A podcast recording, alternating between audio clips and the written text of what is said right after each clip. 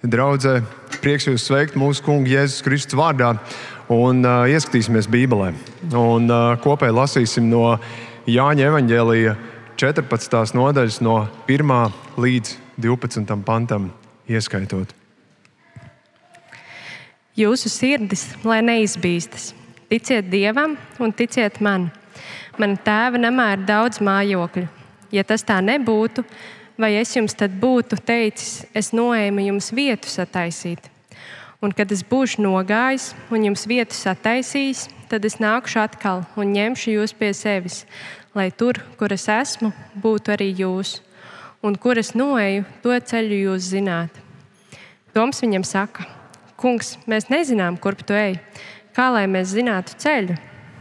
Jēzus viņam saka, Es esmu ceļš, patiesība un dzīvība neviens netiek pie tēva kā viens caur mani.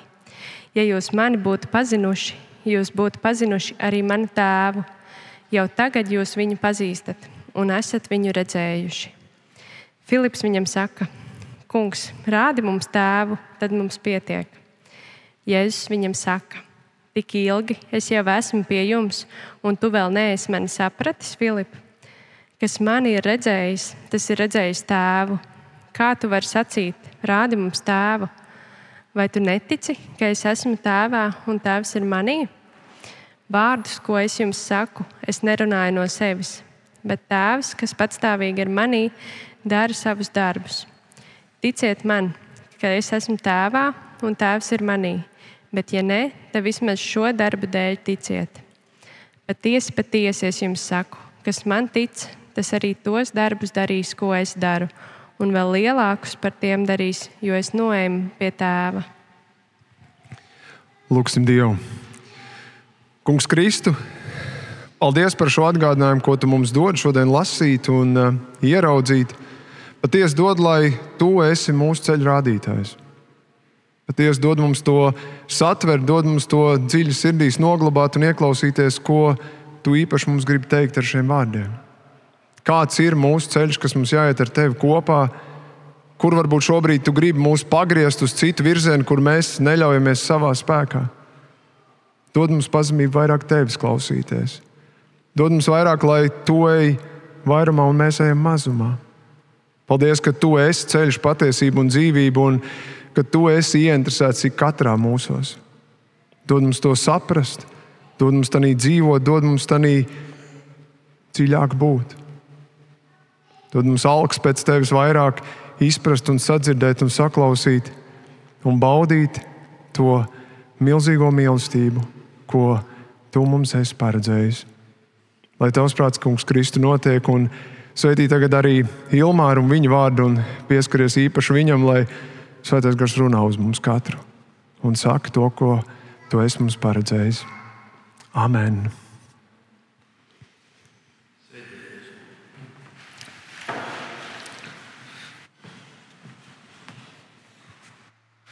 Esat visi mīļi sveikti mūsu Kunga Jēzus Kristus vārdā.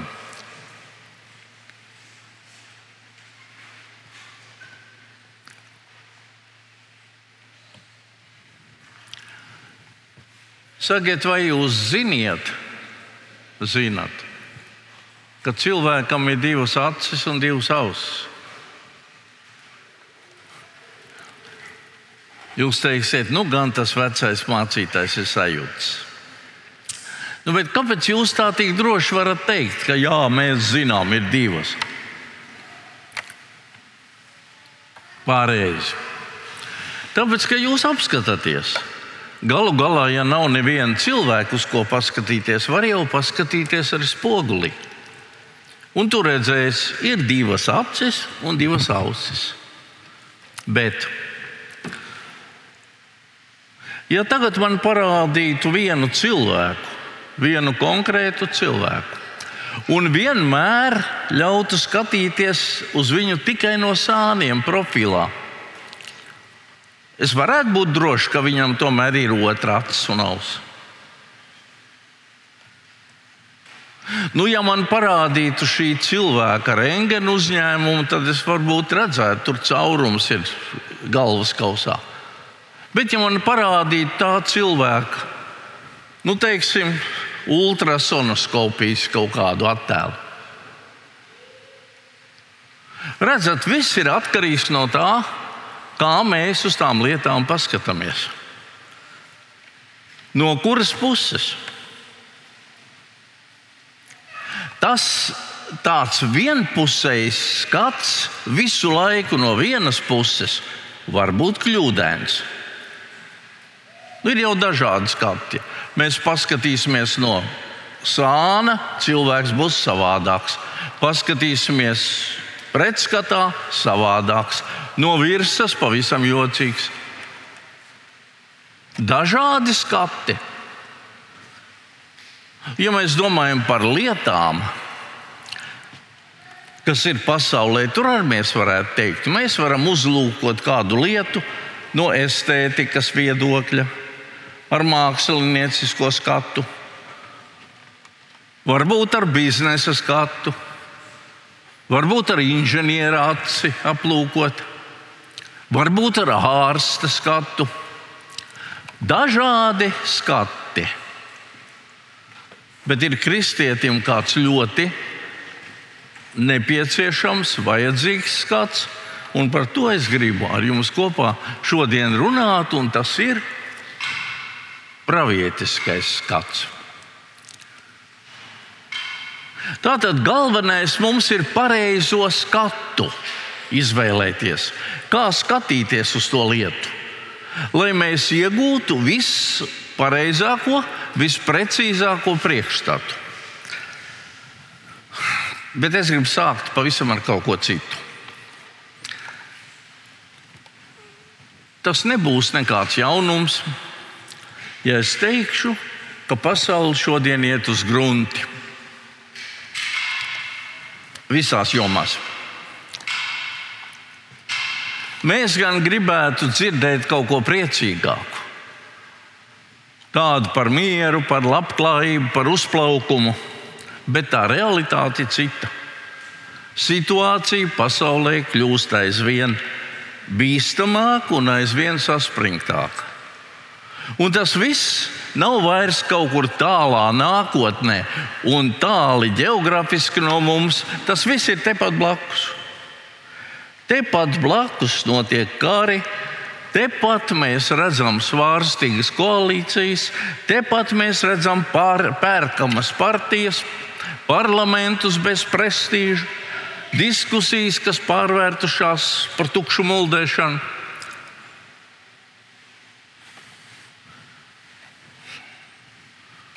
Mēs redzam tehnoloģijas, kas ir ienākušas pavisam strauji pēdējos gadu desmitos mūsu privātajā, personīgajā dzīvē, un kas ir patiesi atvieglojuši mūsu dzīvi. Tur ir mobilie telefoni, tur ir interneti, tur ir e-pasti, daudz kas cits. Ziniet, es varu sarunāties ar mākslīgo intelektu. Nu, vienkārši tāpat par lietām padiskutēt, ko viņš tur domā. Bet aizvien nopietnāk ieskanās tāda brīdinoša balss. Tas viss nav tik vienkārši. Un tas viss nebūtu nav tik skaisti, kā izskatās. Tā elektroniskā datu e, apstrāde pamaža, pamazām pārvēršas par cilvēku aizvien lielāku un lielāku kontroli. Pagaidām neviens tā īpaši par to vēl nesatraucās. Un mēs jau paši to atbalstam. Mēs balsojam par tādā veidā, nu, nospiežot to taustiņu, kas parādās uz ekrāna, piekrītu, atļaut izmantot tur tās sīkdatnes. Mēs nemaz lāga neizlasām, kas tur uzrakstīts. Mēs nemaz nesaprotam, ko tās sīkdatnes nozīmē, kas viņas tādas ir, ar ko viņas barojās. Mēs tikai ātrāk gribam tikt pie tā tālākā teksta un spriežam, jā, jā.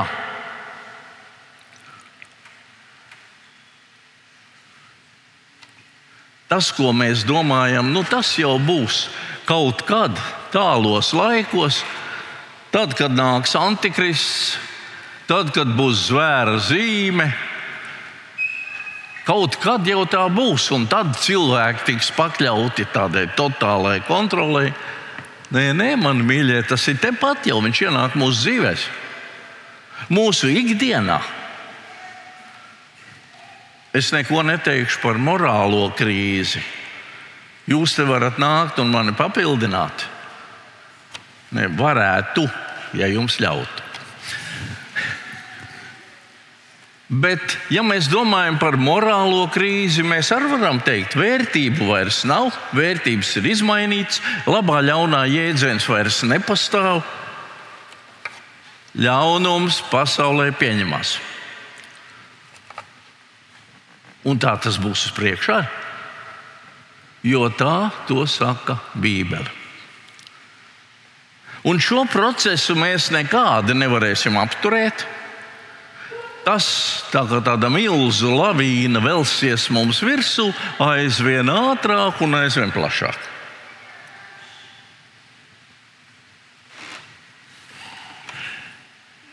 Kas pie tā ir vainīgs? No Marsa atbraukuši zaļie cilvēciņi? Nē, nē. Pie tā ir vainīgs cilvēks. Cilvēks, kurš visa centrā grib ielikt sevi un savas tiesības. Cilvēks, kurš kristīgās vērtības ir pametis. Cilvēks, kas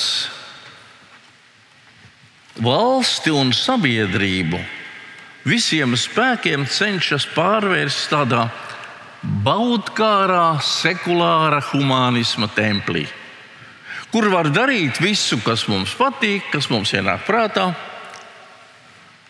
Cilvēks ir vainīgs, kurš šodien būvē 21. gadsimta Bābeles torni.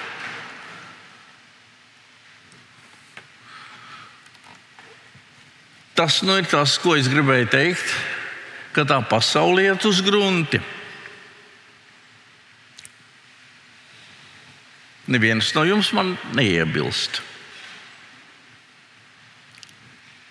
Ko vajadzētu darīt dievam šajā situācijā?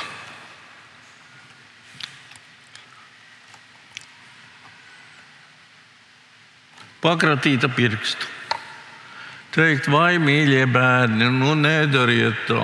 Nu, tā taču nav labi.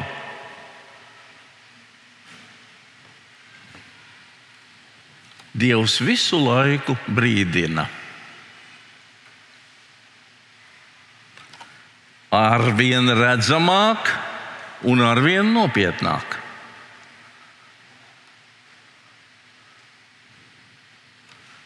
Tie kari jau nav vairāk kaut kur tur, tie pienākuši pie mūsu mājas sēdes. Karstums un plūdi plosa Eiropu. Vētras norauj mūsu māju kokus, e, jumtus, lauž kokus, sadauza mašīnas krusta. Notiek tādas briesmu lietas, kas pārskatāmā pagātnē nav tikušas novērotas. Vai tiešām mēs būsim tik akli un nesaskatīsim to? Neredzēsim, ka tā ir Dieva brīdinošā balss šai pasaulē.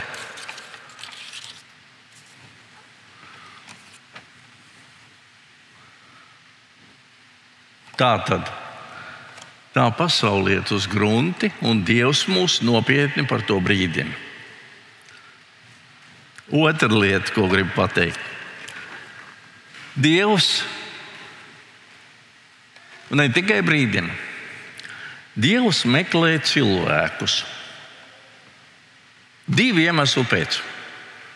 Dievs meklē cilvēkus, lai viņus izglābtu, bet Dievs meklē cilvēkus, lai caur šiem cilvēkiem veiktu savu darbu lai caur šiem cilvēkiem uh, parādītos lielas lietas.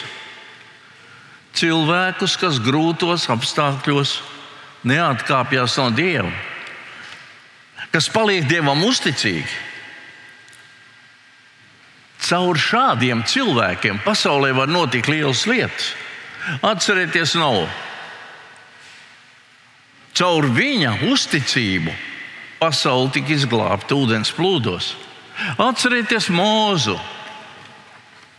Caur mūzus darbu Dievs izveda apsolīto, izredzēto tautu no Eģiptes. Mēs varētu baznīcas vēsturē minēt atkal un atkal cilvēkus, caur kuriem Dievs ir eh, pasaulē darījis lielas lietas. Tur būtu Mārtiņš, Luters, Grāfs Cincendorts, Alberts, Šveicers, māte Terēza, Bilijs, Grehēms un daudz citi. Latvijā tādi cilvēki arī ir bijuši. Dievs šodien meklē, kur ir tie cilvēki, kur ir tie man uzticīgie cilvēki. Viņš atradīs. Pravieša eceķeļa grāmatā tā Dievs saka. Es meklēju viņu vidū kādu, kas nostātos par saviem tautiešiem kā mūris un aizstāvētu zemi manā priekšā. Šodien viņš meklē, kas nostātos kā mūris. Un praviešu grāmatā rakstīts, bet Es neatradu nevienu. Iesaistīts grāmatā Dievs saka, ejiet, pastaigājiet pa Jeruzalemes ielām, palūkojiet, aptaujājieties, pameklējiet, vai jūs tur atradīsiet kādu, kas dara pēc taisnības, ir uzticīgs un patiess un domā par ticību. Jūs paši Dievs saka. Nemaz man nav jāiet, jūs, paskatieties, atradīsiet kādu. Un tad Dievs saka, ja jūs atradīsiet, tad es piedošu. Dievs piedos Jeruzalemē. Ja tur būs kādi, kas ir uzticīgi un patiesi. Tāpat kā Dievs nebūtu nopostījis Sodomu un Gomoru. Ja tur būtu atradis 50, 30, 20, no 10 svēto un taisno. Redzat, Dievs meklē. Un meklē nevis vienu, bet meklē daudzus. 50, 30, 20. Un, ja nu viņš neatrod, tad viņš novērš savu vaigu un sodu. Varbūt tas, ko mēs redzam pasaulē šodien, ir tāpēc, ka viņš neatrod savu bērnu vidū tos 50, 30, nu kaut 10. Un tas, kas notiek, ir viņa novēršanās un viņa sots. Un tad man jādomā, jādomā tiešām Dievs, nu, kāpēc tu neatrodi? Nu, kāpēc tu nepaskaties uzmanīgāk? Man šķiet, mēs katrs varētu tā teikt, bet es taču esmu. Kāpēc tu mani neatrodi? Es taču esmu labs. Redzat, un viņš neatrod tāpēc, ka man ir nepareizs skats pašam par sevi. Es taču esmu labs. Ar mani taču viss ir kārtībā. Es esmu tāds pašpārliecināts, kad ar manu dievbijību un manu kristietību viss ir kārtībā.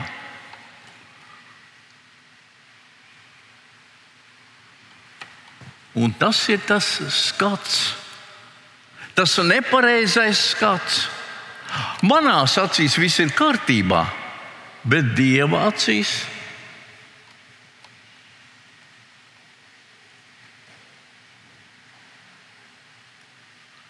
Dievs nesaka, vai cik labi. Neuzsit man uz pleca, nepasaka, vienu jau es esmu atradis. Perfekti. Iešu vēl kādu sameklēt. Es iedomājos, ka dievam tā vajadzētu teikt. Bet viņš tā nesaka. Kāpēc viņš neatrod mani? Kāpēc viņš neatrod šodien tos savus pasaulē dieva bērnus, kuru dēļ tad nu varētu piedot šai pasaulē, piedot Latvijai. Un es gribu teikt, viņš neatrod tāpēc, ka kristieši šodien ir pazaudējuši savu sāls funkciju.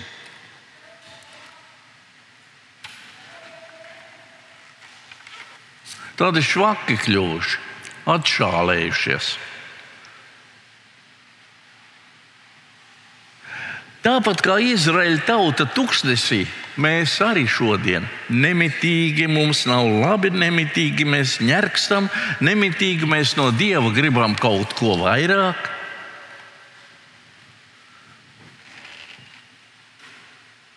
Ko tad mēs no Dieva gaidām? Nu, protams, lai Viņš mums palīdz, lai Viņš mums dod. Bet vai mēs tiecamies pēc palīdzības tajā garīgajā jomā? Lielākoties mēs lūdzam par laicīgām lietām. Lielākoties mēs gribam no Dieva, lai Viņš vairāk mums dotu. Un, ja viņš dod, tad mēs viņu slavējam un sakām, vai cik viņš brīnišķīgs. Un, ja nedos, ja liksiet cauri raudu ielai, ko tad mēs teiksim? Vai mēs teiksim, ka viņš ir brīnišķīgs? Tad, kad man sāpēs,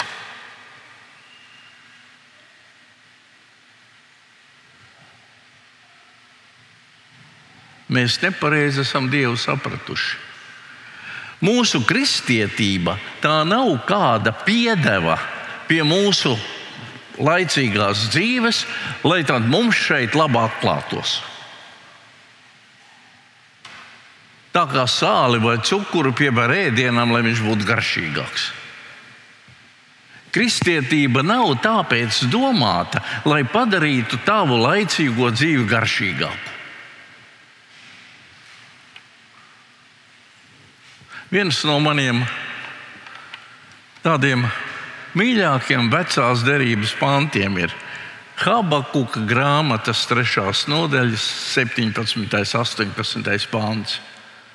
Un tur tā ir teikts, Ja vīģes koks arī neziedēs, vīna kokam nebūs ogu, nepiepildās cerības, kādas bija liktas uz eļļas kokiem, ja tīrumi nesniedz nekādu barību, ja sīklopi būtu izzuduši no aplokiem, kūtīs nebūtu neviena lielopa. Es gribu teikt, ar cilvēcisko aci skatoties, no vāks. Nu, kā nav? Viss galīgi izputējis. Nu, tad vajadzētu teikt, Dievs, kāpēc tu manis atstājis? Kas ar tevi notiek, Dievs? Es taču visu esmu nācis dievnamā, darījis, ziedojis desmito tiesu, un kāpēc man tāds liktenis tagad ir? A, ko pravietis saka? Ja viss tā arī būtu, un tomēr, neskatoties uz visu to, ka tu liec iet cauri man tādai raudu ielai.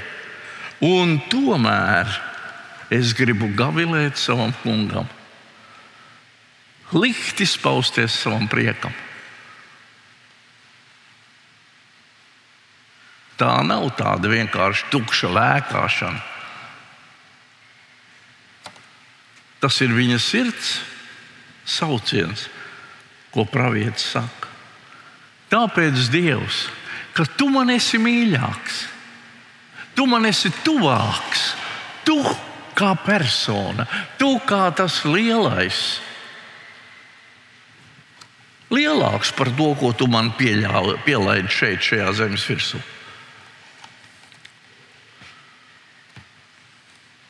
Redzat, ir jāizmaina tas skats, kā mēs skatāmies uz lietām. Mēs esam par daudz koncentrējušies, piesaistījušies, sasaistīti ar to laicīgo skatu, ar to skatu uz šodienu, uz šo brīdi, uz to, kas notiek tagad. Tam skatam no laicīgā skata ir jāpārto par, nav vairāk tas vārds, pravietisko. Pravietiskais skats šodien mums ir vajadzīgs.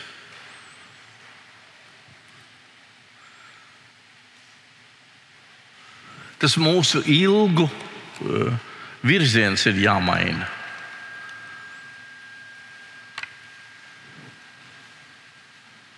Pravietiskais skats, tas ir ticības skats. Un ticības skats nozīmē, kaut arī es neredzu, kaut arī es nesaprotu, kaut arī es nezinu, kaut arī daudz kas man paliek noslēpums. Es ticu viņam. Pāri par to nezināmo, pāri par tiem noslēpumiem, pāri par to uz grunti ejošo šodienu, es ticu viņam. Man bieži uzdod jautājumu, vai mūsdienās ir pravieši.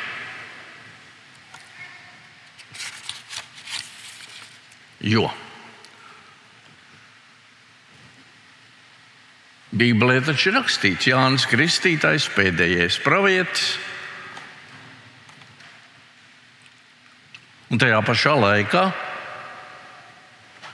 Pāvils raksta korintiešiem, tad, kad viņš runā par garīgām dāvanām, viņš kā vienu no dāvanām norāda praviešu dāvanu. Redzat, un ne tikai norāda praviešu dāvanu, viņš arī dzenaties pēc tā. Ne par vienu citu dāvanu viņš nesaka, dzēnaties, lai jūs varētu runāt mēlēm, jeb vēl kaut ko. Vienīgā dāvana, par ko Pāvils saka, dzenaties pēc šīs. Dievs taču visas dāvanas izdod pēc savu prātu.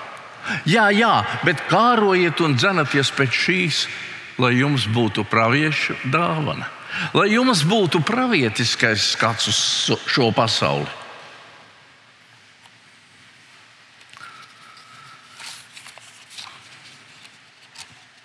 Skats kas iet pāri šodienai.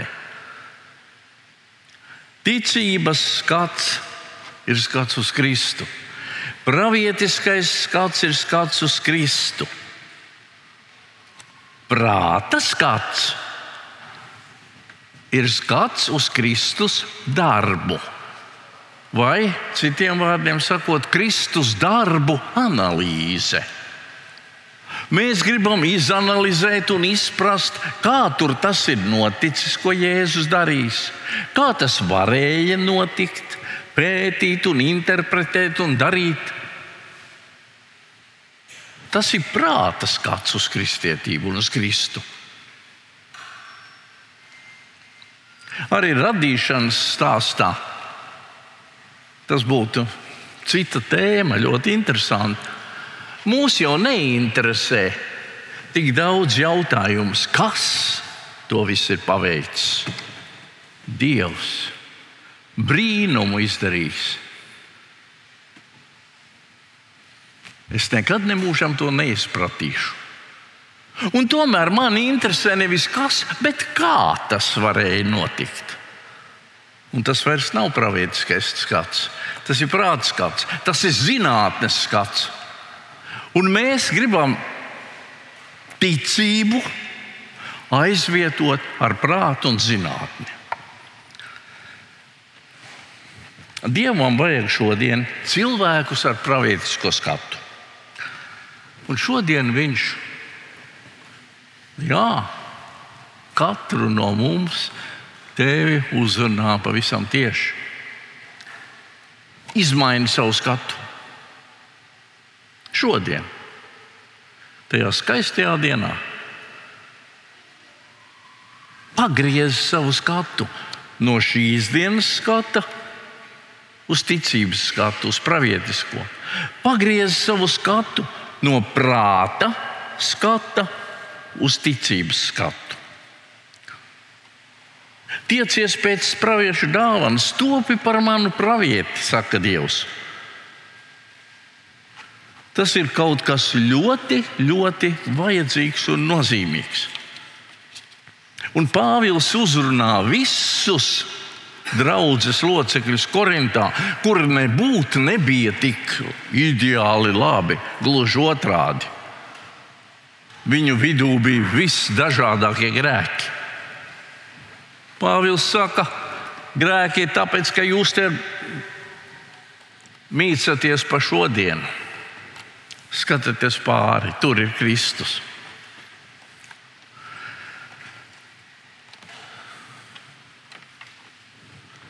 Absolūti visiem. Absolūti visiem ir jātop par praviešiem. Man bieži jautā, vai ir pravieši šodien? Ir, jā, jābūt. Vairs ne tā kā vecajā derībā, kur profētisms bija kā institūcija, kā amats, Bet mums visiem jātop par praviešiem tādā nozīmē, ka mēs esam Dieva starpnieki. Mēs ejam, mēs sludinām Dieva vēsti, mēs pārstāvam Viņa valstību un atklāti pasakām, kas notiks tad, ja cilvēks atkāpsies no Dieva.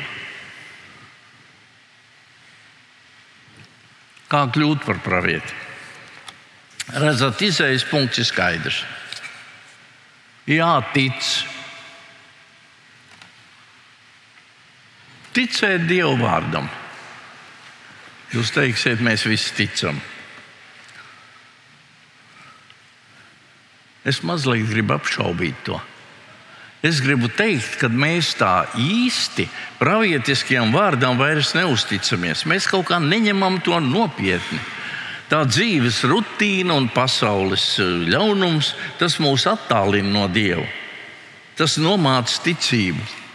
Un es gribu teikt, ka šodienas draugiem nav vairs pravietiskā skata. Mēs esam iestrēguši šodienā. Un visa kristietība mums it kā ir sašaurinājusies nu, mēs cenšamies daudz maz pieturēties pie dieva likumiem, galvenokārt pie kristīgās ētikas tradīcijām. Mēs esam aizvietojuši viņu, to lielo dzīvo Kristu, Dievu, kas ir upurējies, kas ir nācis, kas ir mīris manis dēļ. Es esmu aizvietojis ar kristīgās ētikas tradīcijām. To drīkst darīt, to nedrīkst darīt. pravietiskais skats pāri šai pasaulē, pāri ikdienai uz nākotni. Nākotni mēs gribam zināt. Nesakiet man, ka nē. Gribam zināt, kā tad īsti rudenī būs ar tiem rēķiniem, ar tiem kariem visiem, ar covid un vēl kaut ko. Bet visas lietas, kas mūs tā satrauc, par ko mēs interesējamies, tā ir šodien. Par to garīgo nākotni mēs tā daudz neinteresējamies. Kāpēc? A, varbūt tāpēc, ka tur viss ir skaidrs. Tur viss ir skaidrāks par skaidru. Tur nav noslēpumu. Bībele skaidri un gaiši pasaka, Jēzus Kristus nāks atkal.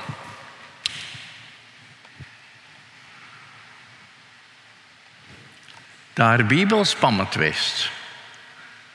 Jautājums, vai mēs to ņemam nopietni? Vai mēs to sadzirdam vēl? Vai mēs turam šo vēsti? Jēzus Kristus nāks atkal par to visvērtāko, visnozīmīgāko savā dzīvē. Vai mēs visu esam pakārtojuši šim lielajam apsolījumam? Pavisam nopietni tas skars katru vienu no mums. Mēs nezinām, kad, bet tas būs nenovēršams. Vai mēs uz to ceram? Vai mēs gaidām to, ilgojamies pēc tā? Katrā ziņā šodien par to mēs runājam maz. Un tas pirmo kristiešu ticības apliecinājums - Maranatā, nāc kungs Jēzu. Tas nebūtu mūsu ilgu mērķis šodien. Redzat, bet ja nav paļaušanās uz cerību, tad nav jau arī ticības.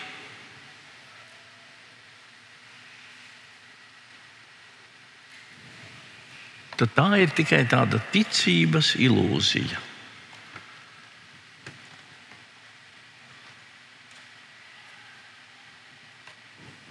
Pravietiskais skats mums jāatgūst. Skats no šodienas uz nākotni. Skats no prāta uz ticību. Jāņa evanģēlijā septiņas reizes ir lietoti Jēzus um, izsaka savus pašatklāsmes vārdus: Es esmu. Viņš saka, tur es esmu dzīvības maize, es esmu pasaules gaisa, es esmu durvis un tā tālāk. Bet varbūt mēs nemaz neesam ievērojuši, kad ir vēl astotais Jēzus paša atklāsmes vārds, kas uzrakstīts atklāsmes grāmatā. Jau tad, kad viņš ir debesīs, pie tēva, 22. nodaļa, 16. pāns, un tur Jēzus saka, es esmu rīta zvaigzne. Nevis kāda vienkārša zvaigzne. Es esmu viena rīta zvaigzne. Tā, kas norāda uz rītu, tā, kas nes rītu, kas klīdina tumsu. Pasaulē joprojām ir tumsa, bet pienāks laiks, kad uzliks rīta zvaigzne.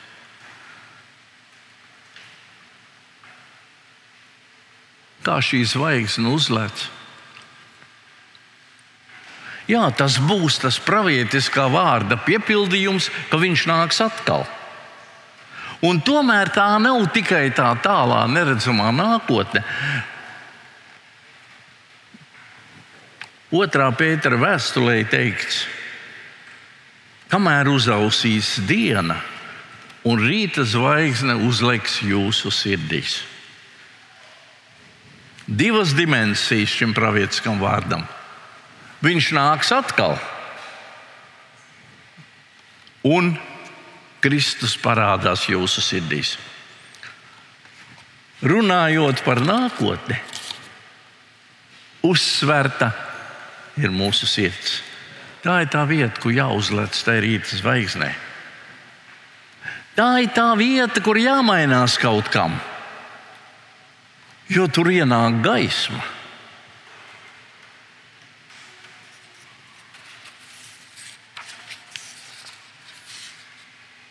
Un gaisma atklāja paslēpto. Tad ko es esmu sevi atklājis? ka es esmu labs, balts un tīrs. Ir jāierauga kaut, kaut kas pavisam cits, ja mēs raugāmies ar to pravietisko skatu. Jāierauga Kristus lielums un pašam savs grēcīgums. Gaisma neizsauc pašapmierinātību. Un pašapmierinātība nebūtu nav pravietiskais skats. Vai šodien ir pravieši? Jautājums jāapgriež otrādi. Jautājums ir jāapgriež, vai es esmu pravietis? Dievs mani un tevi šodien grib redzēt kā pravieti Latvijai. Kāda būs mana atbilde?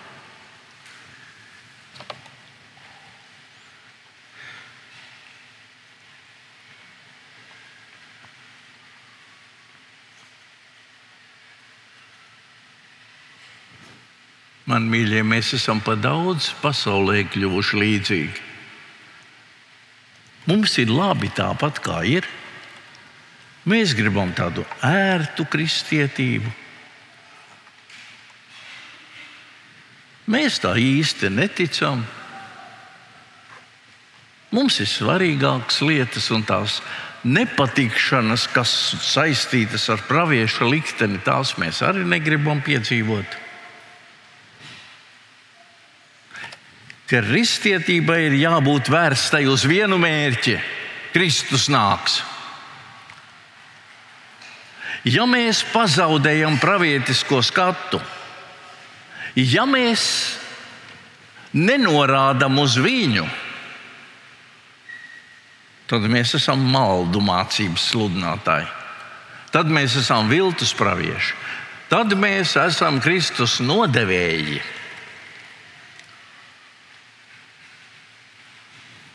Mēs nu pat lasījām, tad, kad es būšu aizgājis un jums vietu sataisījis, tad es nākšu atkal un ņemšu jūs pie sevis. Lai tur, kur es esmu, būtu arī jūs. Mēs nezinām, kad tas notiks. Priekš katra no mums savā laikā. Varbūt mēs kādu šodien sastopam pēdējo reizi. Varbūt Dievs šodien dod mums kādu vienīgo iespēju ar kādu parunāt, kādam kaut ko pateikt. Varbūt es saku savu pēdējo svētdienu. Kāpēc mēs esam tik vieglprātīgi, tik bezatbildīgi dzīvojot šo dzīvi? Mums ir jāmainās.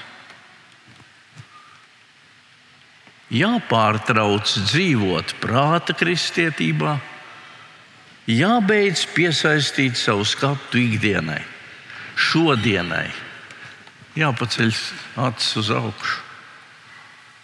Jāatgūst pravietiskais skats, un tas ir Kristus nāks. Jāņem tas nopietni. Un jāiet pasaulē ar šo vēstuli ja jūs nebeigsiet grēkot. Jūs sagaidat sots, jo mūsu kungs nāk.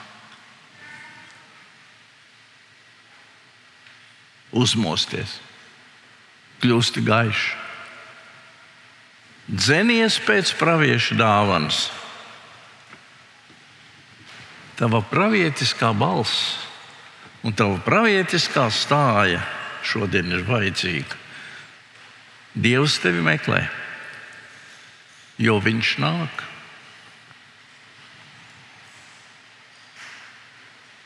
Lūksim Dievu.